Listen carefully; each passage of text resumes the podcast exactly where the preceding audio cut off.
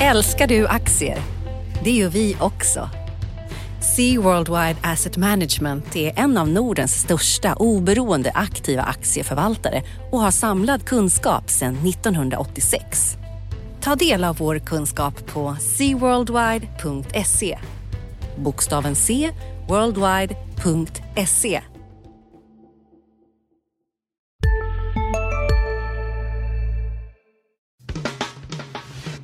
Analyspodden från Dagens Industri. Hej allihop och välkommen till veckans avsnitt av Dagens Industris analyspodd med mig Ulf Pettersson och eh, lite emot mig nästan har jag Martin Blomgren. God morgon Martin! God morgon, god morgon! Eh, allt väl? Eh, ja, det tycker jag. Det tycker jag. Det mesta i alla fall. Mm. Själv då? då? Vi går... Jo, det är bra. Det är, bra. Eh, det är fredag, det är solsken.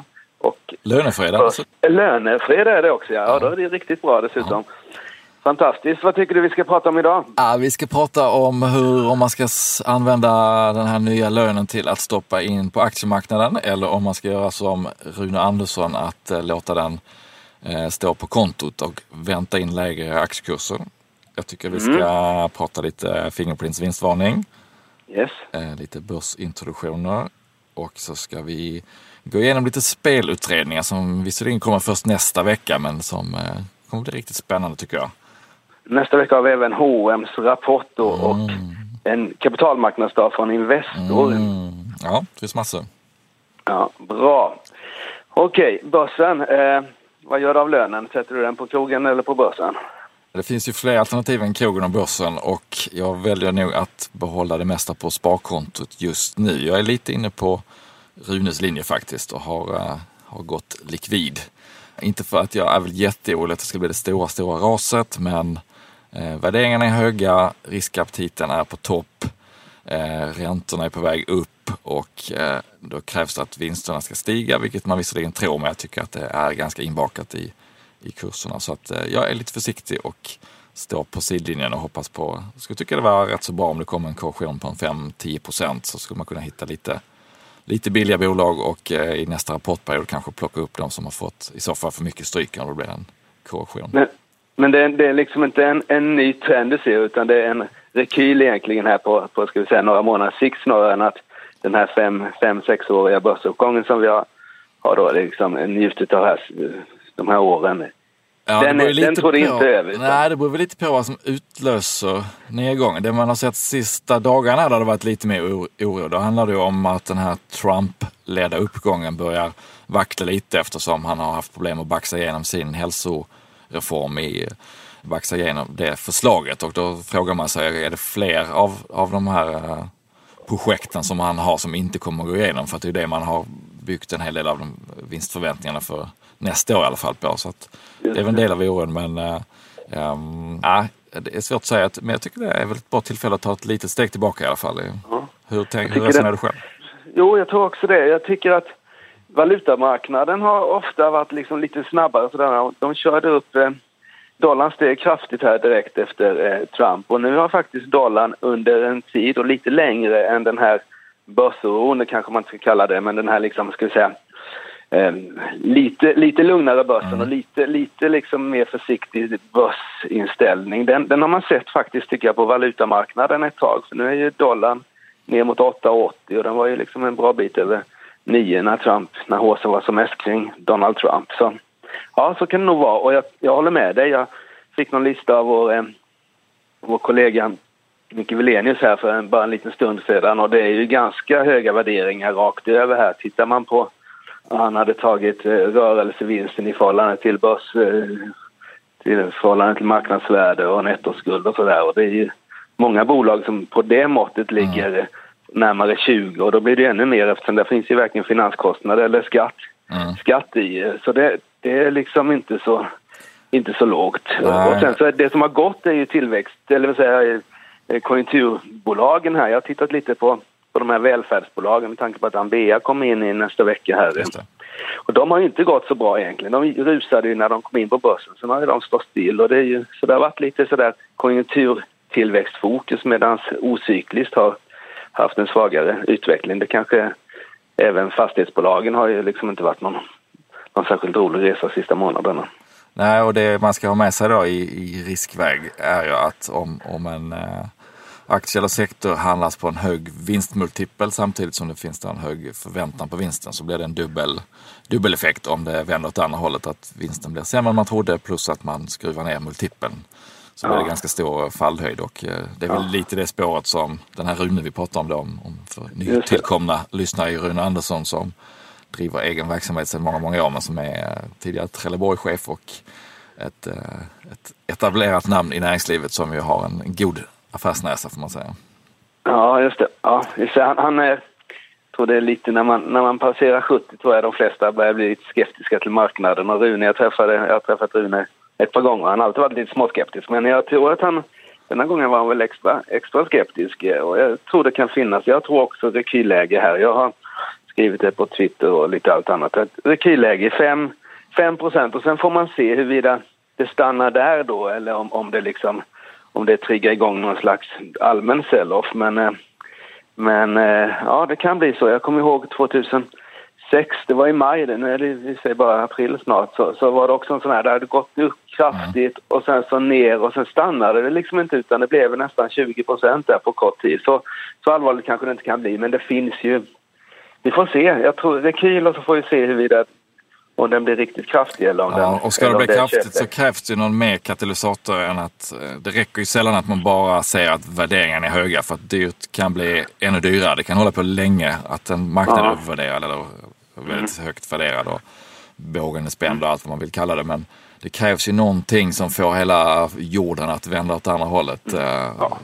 Flocken måste vända och, och vad som utlöser det, vad som blir katalysatorn, det är väl det som är frågan. Men potentiella grejer är ju då att Trump inte får igenom sina skatteförslag längre fram längs vägen eller andra infrastrukturprojekt eller att eh, vi har de frans, det franska valet senare i vår och vi har andra EU-händelser eh, som skulle kunna krackelera. Men exakt vad som skulle kunna utlösa det är svårt att säga. Men eh, för att vinstmässigt så ser det fortfarande ut som att det blir ett, att det blir ett comeback med stigande vinster både i USA och Europa. Och att det ja, det är fortfarande, det är ju dollarn är ju fortfarande högre idag än för ett år sedan och sådär så exportindustrin har ju det goda tider och, och, framförallt de här Boliden och SSAB och sånt där har ju verkligen gjort vinstvändningar. Mm. Men eh, något som inte är så konjunkturberoende det är ju de här spelbolagen som det har blivit ett, ja nu sista tiden kanske de inte har gått så bra sista året eller så men annars har det varit ett fantastiska aktier, mm. Unibet och Betsson och, och de här avknoppningarna, Net Entertainment och Kambi och sådär. Nästa vecka så, så är det liksom... Ja, nästa vecka så kan spelplanen börja förändras för dem i alla fall på den svenska marknaden. Den här stora spelutredningen som har varit igång i ett och ett halvt år snart som ska presenteras nästa fredag. Eh, för att eh, kort bakgrund då så är det i Sverige har vi ju i teorin ett monopol där Svenska Spel, ATG och andra, en del andra lotterier är de enda som har tillstånd att, att bedriva Eh, den här typen av spel om pengar. Men i praktiken så har idag onlinebolagen som är etablerade på framförallt Malta tagit över eh, större delen av marknaden. Eh, de har mer än halva marknaden om man bara tittar på online. Tittar man på hela marknaden så är Svenska Spel och ATG fortfarande störst. Men eh, det här innebär att skatteintäkter försvinner och eh, staten är oroad för hur de här andra bolagen marknadsför sig och så vidare. Så att de har tagit ett, eh, ett nytt stort grepp på hela marknaden där en, en speciell utredare då ska lägga fram förslag nästa fredag. Och det som är, har varit mycket snack om är vilken skattesats det ska bli. Den ska vara, den ska vara liksom rätt kalibrerad för att man vill få in de här utländska bolagen i systemet, i ett licenssystem som det till eh, med största säkerhet kommer att bli då. Så att de mm. vill söka en licens eh, och då får den inte vara för, eh, för hög skatt men det får inte vara för låg skatt heller för då tappar man för mycket skatteintäkter. Så 15 till 20 procent är de flesta överens om att skatten kommer att hamna förmodligen upp mot 20 skulle jag säga om man läser mellan raderna och tittar hur det har sett ut på andra, i andra liknande länder. Eh, så det, det tror jag inte blir någon jätteskräll. Det som kan skrälla då om man ska se det ur spelbolagens... Eh, kommer, kommer de ta ut det genom sämre odds tror du? Eller kommer man liksom... Eller kommer, hur kommer liksom, eller är det vinsten eller hur, det, hur kommer det påverka bolagen tror du? För det är 20 procent, det är inte liksom för de ska ju betala vanlig företagsskatt ja. också sen antar jag. Mm. det blir nog en kombination. Det beror lite på hur, hur många som kommer in. Om, om det blir en hög kanalisering som det heter då, som i eh, Storbritannien där 95 procent är inne i systemet, då blir det ju lika villkor Eh, och då kan man ju såklart ta ut på priset. Så det är inget som, som kunden, spelaren direkt märker. För är, om alla har lite sämre odds så tänker man inte på det. Det är så priset sätts på den här marknaden. Men en annan faktor är då att det kommer pressa marginalen. Det har bland annat Betsson varit tydliga med att i, i reglerade miljön så blir det sämre rörelsemarginal men man har en bättre eh, chans att växa när man kan marknadsföra sig som ett legitimt eh, företag inom systemet och man kan marknadsföra sig på ett annat sätt. Så att deras förhoppning är ju då att den här högre tillväxten kompenserar för lägre marginalen och att vinsten i eh, kronor räknat ska stiga. Men det låter ju helt, eh, det låter lite udda. Är Kan man verkligen annonsera mer än vad spelbolagen redan idag gör? Jag tycker det är de liksom enda annonsörerna man ser om man skulle liksom sätta på tvn för en gångs skull. Jo, men man kan nog ta andelar. Om, om du tittar hur hela svenska spelmarknaden ser ut, inte bara online, så är det Svenska Spel har 40 procent ungefär, ATG 18 procent och det en massa lotterier. Där finns fortfarande jättemycket att ta. Eh, Man glömmer, Ja, lätt, man glömmer lätt bort att, det att online-delen bara en liten del fortfarande. Många går in till, Ja. till spelbutiken Och lämnar in kupongen.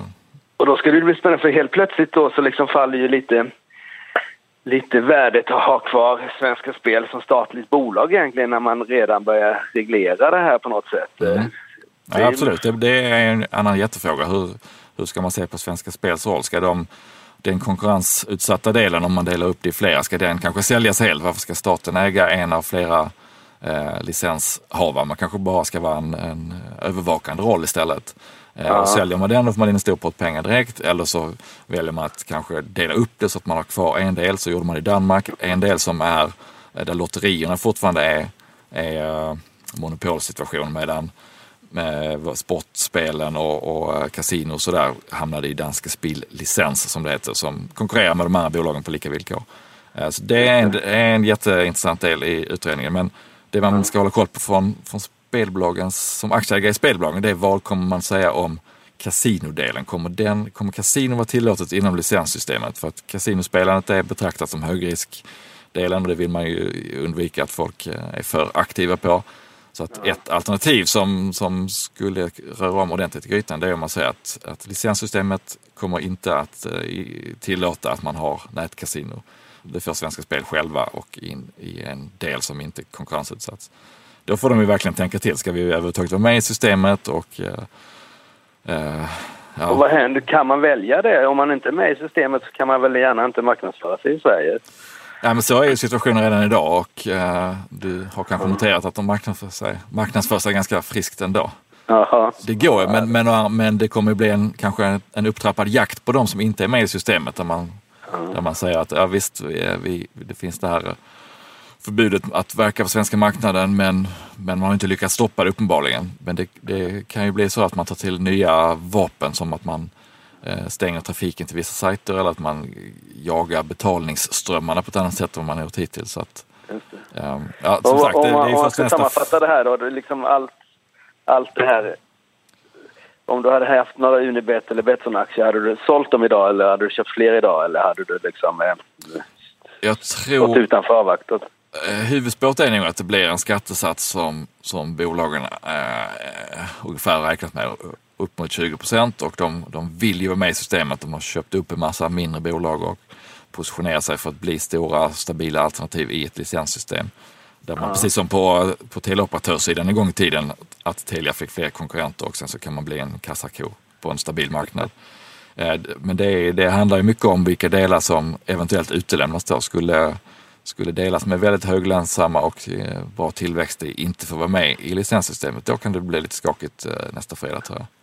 Ja. Och det har varit mycket insiderförsäljning i de här bolagen också. Det kan ju bero på annat timingmässigt men, men det är intressant, en intressant faktor. Just det. Han eh, Lind, Lindvall där har ju sålt i. Ja, i, eh, precis. Och i Leo Vegas, att, att, och bolagen är också ganska mycket försäljningar.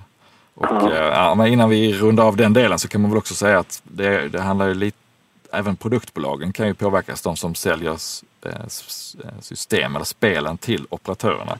NetEnt och Evolution Gaming och Kambi.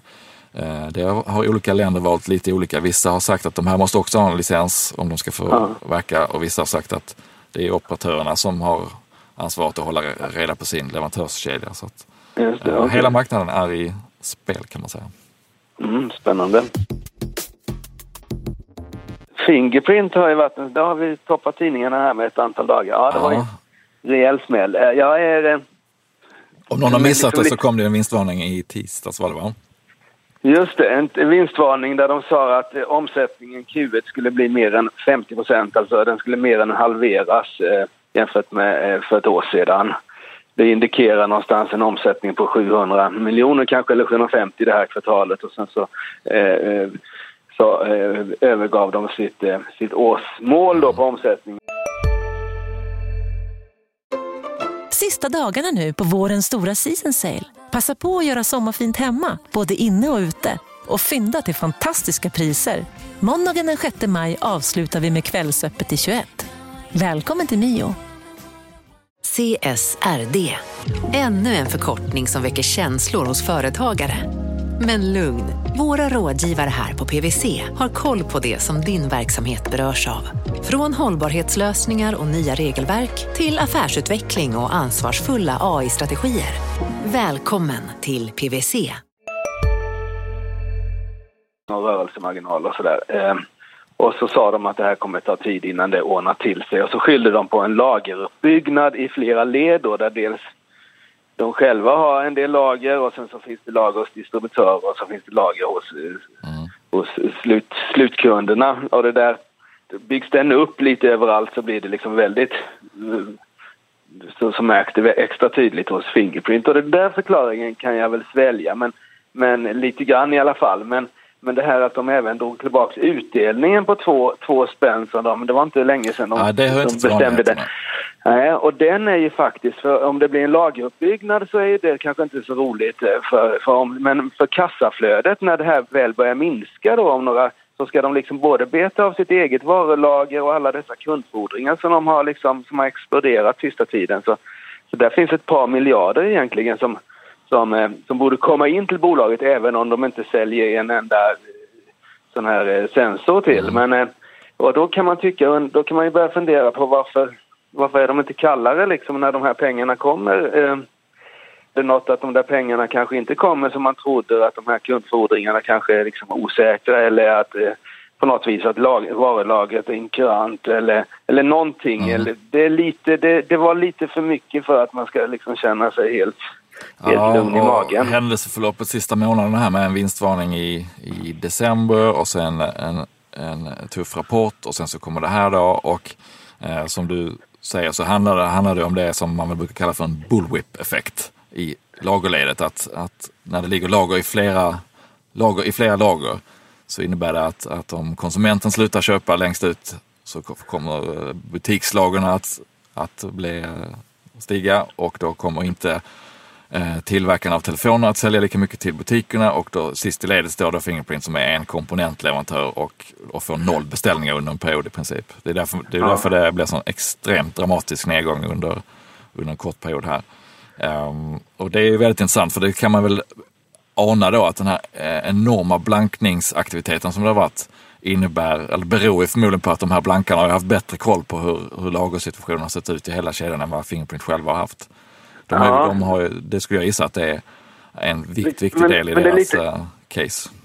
Ja, men sen så det finns ju, det var ju någon amerikansk konkurrent här som liksom var ute samma dag som Fingerprint. Eh, vinstvarnade rasade 35 procent på börsen så, som inte hade sett den här effekten. Så det är lite, alltså det, det är ett par kvartal här för Fingerprint som kommer bli liksom ohyggligt spännande huruvida, huruvida vad det är för bolag och hur det ser ut egentligen. Och vi kommer ju få svaret här kommande kvartal, eh, om inte förr. Men eh, ja, jag vet inte, alltså det, det ringde någon och undrade, ska man köpa nu? Och det är klart att den är ju extremt, även på nedreviderade prognoser så är den ju liksom billig då. Det är liksom lägst, lägst värdering av alla storbolag. Men, men som sagt var, eh, Ja, men, och samtidigt En då halverad 50 omsättning. procent 50 procent eh, negativ Ja, han sa försäljningstillväxt. Det, han sa skojar man inte bort heller.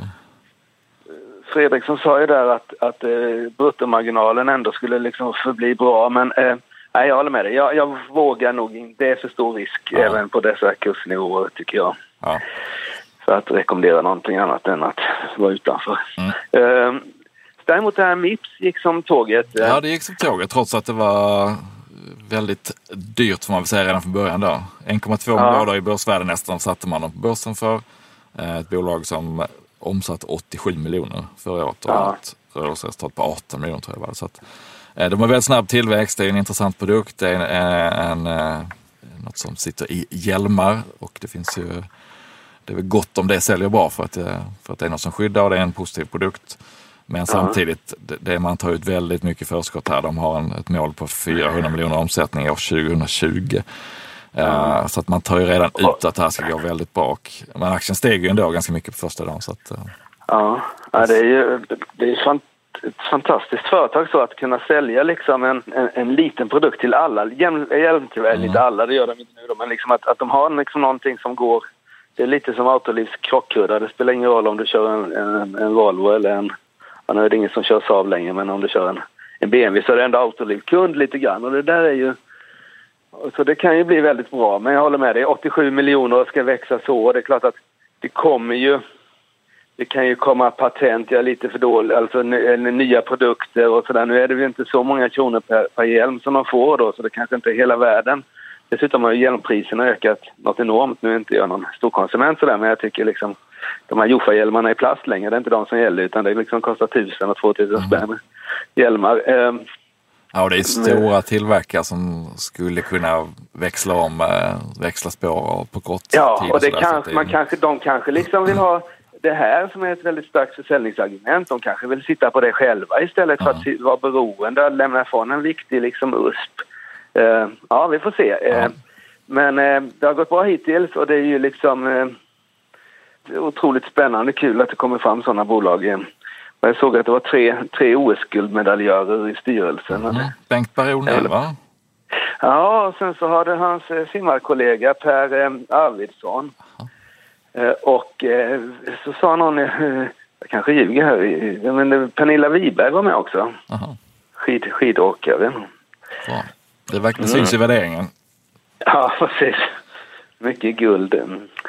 Guldpris på Mips kan man säga. Ja, men du, ja. Eh, Ambea, har du hunnit titta någonting på det? Det är ju ja. nästa bolag på väg till börsen här som har uh, officiellt aviserat.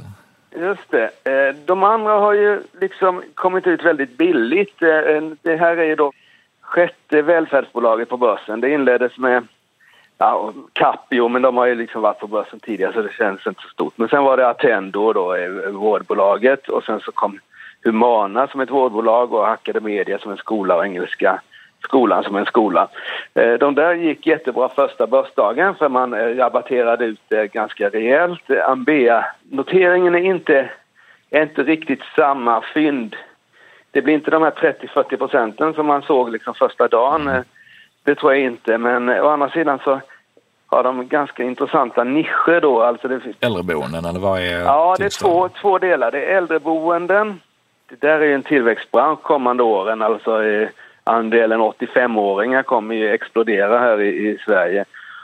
Och sen så, sen så har de även eh, boenden för, eh, för funktionshindrade, alltså eh, ja, barn och vuxna med mm ja, autism och, och, och, eh, olika hjärnskador och sånt där. Och det där är också någonting, det är väl kanske inte någon tillväxt men det har liksom i alla fall ökat eh, ganska kraftigt. Eh, 4-5 organisk tillväxt plus, eh, plus att man får ju lite pris, mer, mer betalt för varje år. Så det har varit en jättebra marknad och de är stora där. Så det, och den kommer också öka. Det är också, även den demografiska pyramiden ser ganska bra ut här med åldersmässigt. Eh, så det, det, där ser bra ut. Eh, lite dyrare än vad de andra kom in på. Eh, jag tror ju att man ska kanske teckna det här men inte räkna med de där 30 procenten första dagen utan kanske 5-7 procent och sen så har man ett bolag som, som bör gå ganska bra kommande mm. åren. De har ganska mycket i pipeline och sådär. Men inte det här liksom hur var det liksom. tunga ankarinvesteringar eller minns jag fel? Ja, de hade dragit in en handfull sådana där. Fidelity var med men eh, bland de mer kända då i Sverige så är ju eh, Öresund med Mats Kviberg med.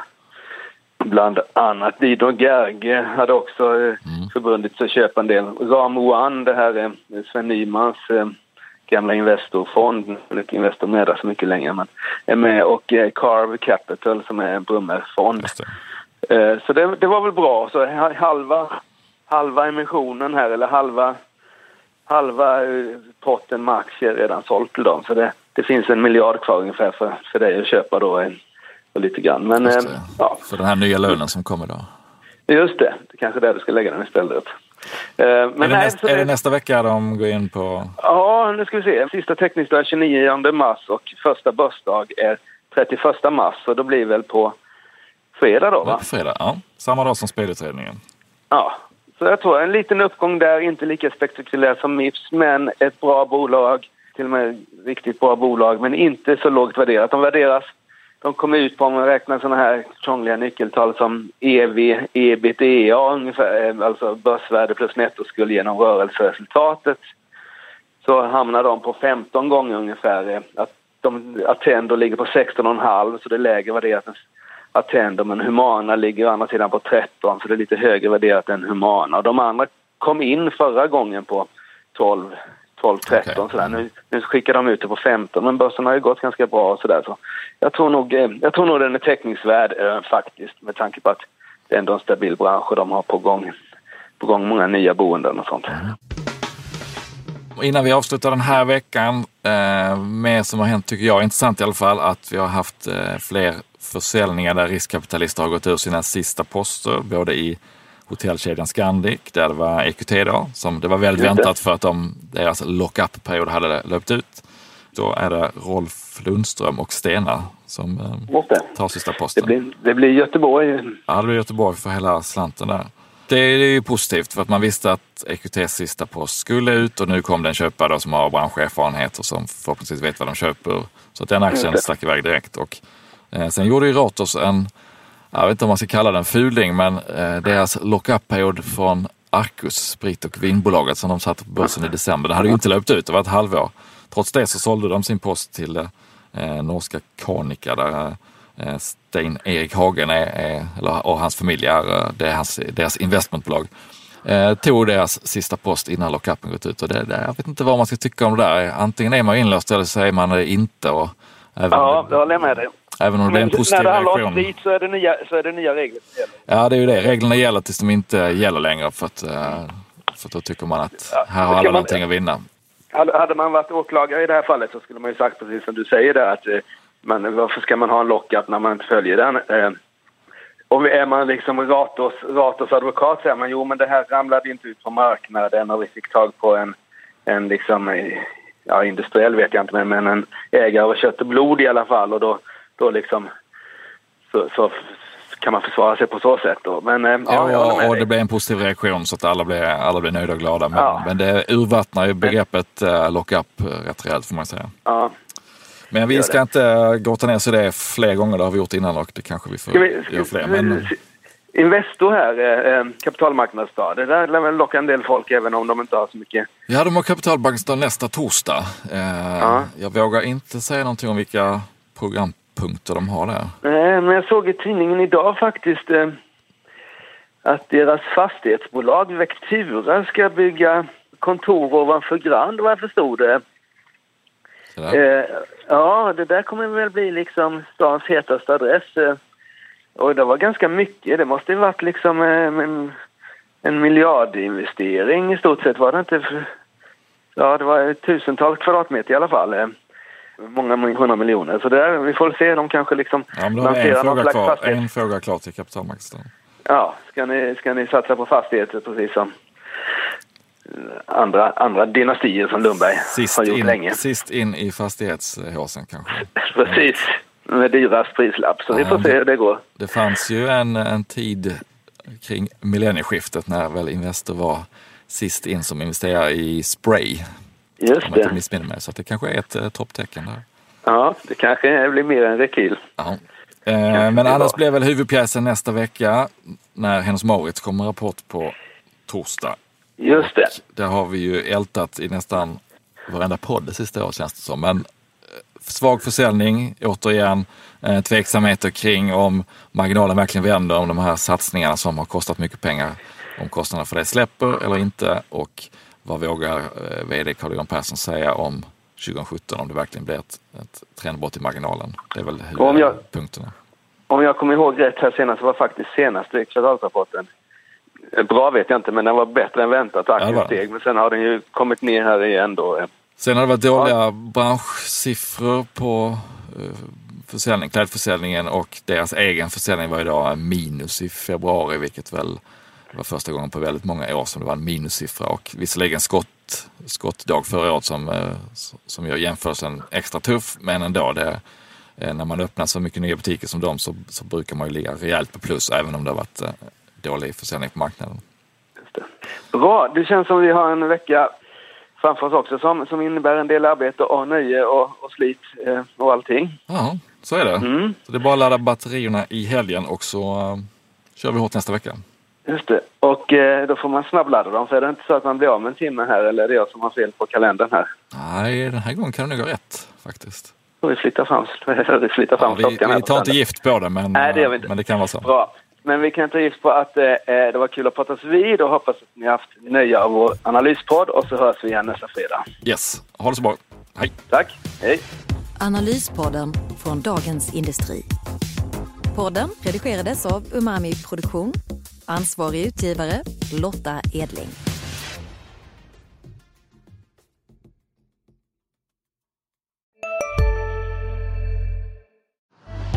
Älskar du aktier? Det gör vi också. Sea Worldwide Asset Management är en av Nordens största oberoende aktiva aktieförvaltare och har samlad kunskap sedan 1986. Ta del av vår kunskap på seaworldwide.se. Bokstaven C, worldwide.se